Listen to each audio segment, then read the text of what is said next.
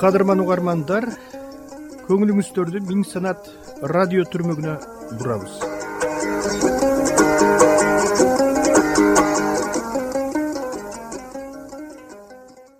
Түрмөгүбүздүн бүгүнкү мейманы маматали кызы бүүгалча ош мамлекеттик университетинин филология факультетинин э төртүнчү курсунун студенти акын. Акын болгон үчүн студияга атайын чакырып келип бүүгалча менен сүйлөшсөмбү деп турам. Бүүгалча бишкекке биринчи жолу келишиңби же мурда келдиң беле ооба агай биринчи жолу келишим. Бишкек шаары менен эми оштун сөзсүз түрдө айырмасы бар. Бир топ кенен бишкек шаары ушундай сезилди мен үчүн. Жакшы агай жакты мага бишкек. Эмне максат менен келдиң? Кана айтсаң. Бул жака ошол роза отунбаеванын демилгеси менен уюштурулган студенттик жаштык ыры деген поэзия кечеге келдик ош шаарынан. Анда жалаң эле студент акын тандаган го дейм э? Э ошол. Азыр э, беш студент бар. Э, төртөө ушул бишкектеги университеттерден. Анан мен ош мамлекеттик университетинен. Эми поэзия деген өзүң түшүнөсүң. Өтө оор. Айрыкча адабият. Кыз кишиге эки эсе оор. Качантан бери жазып жүрөсүң кана айтсаң мен бешинчи класстан баштап жаза баштагам ошол мектепте мугалимдер себеп болуп эле анан жазып калдым кийин.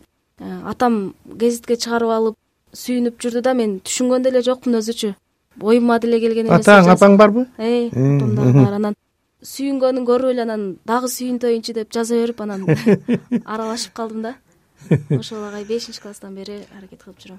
А сен чыкканда анчалык сүйүнгөн жоксуң. Атаң сүйүнгөндөй. Мен уялат элем. Аябай анан атам сүйүнсө уялып ал анда гезитке ким берди ырларыңды атаң алып барып берсе керек анда. Атам өзү ошол шаардык гезитте иштейт. Журналист турбайбы э ошол жакта анан өзү чыгарып алып сүйүнгөнүнөн сүйүнгөнүн көрүп эле анан жазып калгам агай.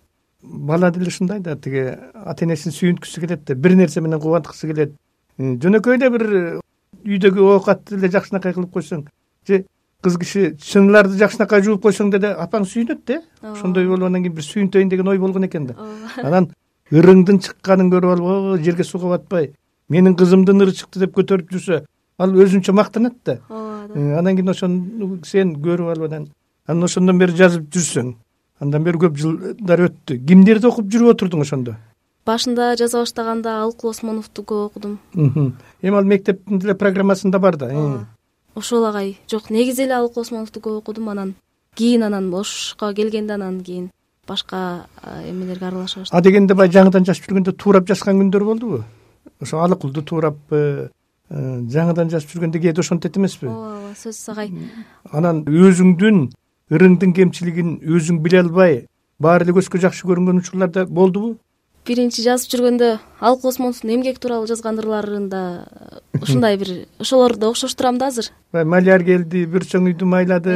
Э, ошол сыяктуу кылып жазып жүргөм да анан атам менден ырды алгандан кийин газетага өзү кичине оңдоп берип койчу да анан таарынып калат элем жөн эле койсо болбойбу депчи. Э, ал киши дагы ыр жазабы жок эми баары бир кичине сөздөрүн карап койчу эле да.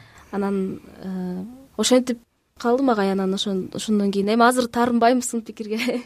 Азыр эми быштың да быштың. Анан университетте да окуп өз алдыңча көп окудуң болушуң керек. Ооба бизде э, ош шаарында ошол биз окууга келген учурда жигер деген чыгармачыл жаштар борбору түзүлүп калып анан ирим ирим э, улукбек омокеев деген агайыбыз чогултуп анан ошого катышып ошону менен жүрүп анан кыйла көзүм ачыла түштү. Анан мурда жазып жүргөн ырларымды окугандан уялып калдым анан. Ошол мага чоң түрткү болду мындай да ал баягы өсүп жүрүп отурганда ошол мурдагы жазгандарың башкача көрүнүп калат да ии ушул ырды кантип жазып жүргөмүн уялбай деп өзүңдөн өзүң уялган учурлар болот. Эми ал адамдын өсүшү э, поэзия деген өтө чоң терең нерсе. Анан кийин проза менен поэзиянын айырмасын билесиң да түшүндүң да. Поэзияда деген сөздүн гүлүн терип туруп анан кийин окурмандарга бересиң. Анан бул жерде сезим өтө күчтүү болуш керек. Сезим деген ошо кагазга түшкөндө анан кийин кээде акылга баш ийбеген бир учурлар болот билесиң аны. Поэзиянын бир сыйкыры болот. Анан ырларды окурмандардын баары эле түшүнө албайт баары эле кабыл ала бербейт билесиң. Ооба. Э? Ал эми кара сөз баарына жеткиликтүү. Кээде ошого ичиңден өкүнбөйсүңбү мисалы ырларыңды кээде курбуларыңа окуп бересиң кээ бирөө түшүнбөйт эмнени жазгансың деп айткан учурлар болду беле ооба андай учурлар болот эми. Кийин түшүнүп калдык уга турган кишиге окуш керек дегенче. Кара сөздү деле кээде кичине эссе жазып калам.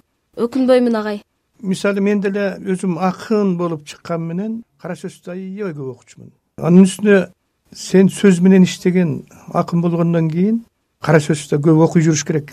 Кара сөздүн өзүнүн да билесиң да поэзиясы болот. Э, анан кийин сөздөрдү тандаганда проза көп жардам берет да. Анда бүү калча ыр окусаң? Э, жакшы болот агай мен адегенде эле доктор ага деген ырымды качан жаздың эле?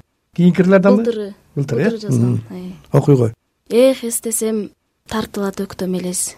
Ал учкучта физикта төкмөдө эмес. Тек караны оорутат айыктырат. Доктор бирок кесиби доктор эмес. Сезим деген эси жок башкарууда. Анан кантем каректе сакталууда.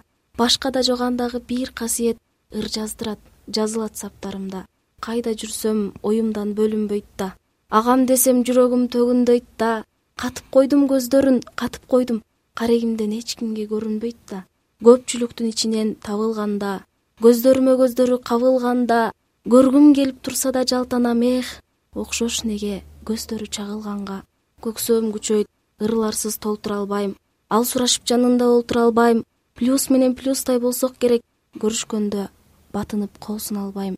Кызык мында кылыгым ашык бекен. Кызды көрсөм жанынан жашып кетем ал кадамын шилтесе мен тарапка кылчактайм да акырын басып кетем.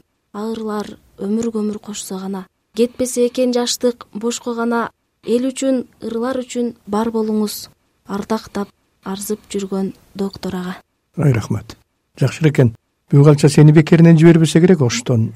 Улукбек агайың ошо силердин ийримдин жетекчиси катары бишкектен роза отунбаеванын фондусунан чакыруу келгенде тандап туруп жиберди да. Менин оюм ушундай да тандап туруп жиберсе керек. Сенин тематикаң азыр көбүнчө кайсыга басым жасап атасың. Сүйүү ырларынабы табият жөнүндөбү байкап жүрөсүңбү өзүнүн темалары болот өтө сүйгөн темалары болот. Кээ бирөө табиятты аябай жакшы жазат кээ бирөө сүйүүнү жакшы жазат кемелине келтире.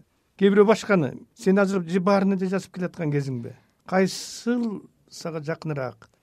Ар кандай болот агай кээде э, сүйүүдөн бир бир реакция болгондо сүйүү тууралуу. Анан өзүм да байкап калдым азыр көбүнчө э, өмүр убакыт тууралуу жазып калдым окшойт да. Табиятты жазсам деле барып ошого байланышып калат ушундай.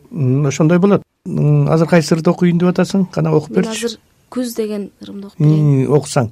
Күз аралап жолдон бүткөн калааны калың кийим жылуу көңүл талабы мезгил бою дарактардын эмгегин тепсеп жатат ар кимдердин таманы өңдөн азып бүт дарактар тураткуу бир экиден жалбырагын серпишет жердегилер жетим балдар сыяктуу ар өткөндө бери өткөндү ээрчишет бир ой кубат жашообузга бирөө нур алдыга тек басуудабыз кызыгып өкүнткөнү кудай берген гүл өмүр бирден бирден түшүп жатат үзүлүп изин кууп жылт эткен бир үмүттүн.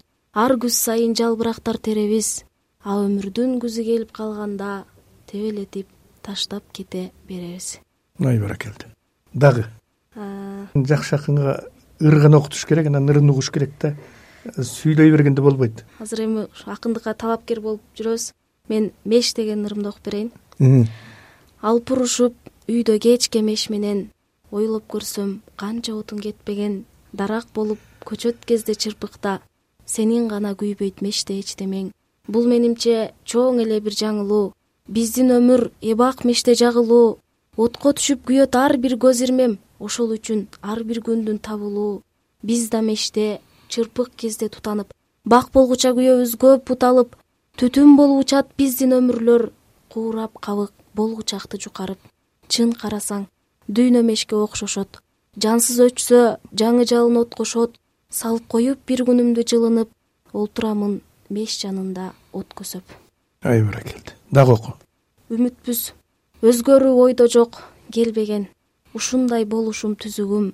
Нерсеге көңүлдү теңдеген атамдын эси жок кызымын оюма келгенди жасаган тил укпас кызымын апамдын өмүрдө жолугуп туруучу чындыгын издебейм катамдын из салаар жашоочу күн ушу бакыттан жасалган турушу ата эне мекендин дүйнөнүн биз балдар түгөнбөс үмүтү. Ай баракелде ата энеңдин эле түгөнбөгөн үмүтү болбостон биздин кыргыз элинин да түгөнбөгөн үмүтүнө айлан э, жолуң ачык болсун э, ырларың жакшы буюрса кыргыздын чоң акыны болосуң жолуңда далай сыноолор турат ошолордун баарынан жакшылап өтсөң анан кийин жакшынакай акын кыз болосуң бүйгалча сага биз ак жол каалайбыз жакшылык каалайбыз ден соолук каалайбыз ийгилик болсун э? Чоң рахмат агай сиздер жаңыдан чыгып келаткан таланттуу акын кыздарыбыздын бири ош мамлекеттик университетинин студенти бүйгалча маматали кызы менен маегибизди уктуңуздар.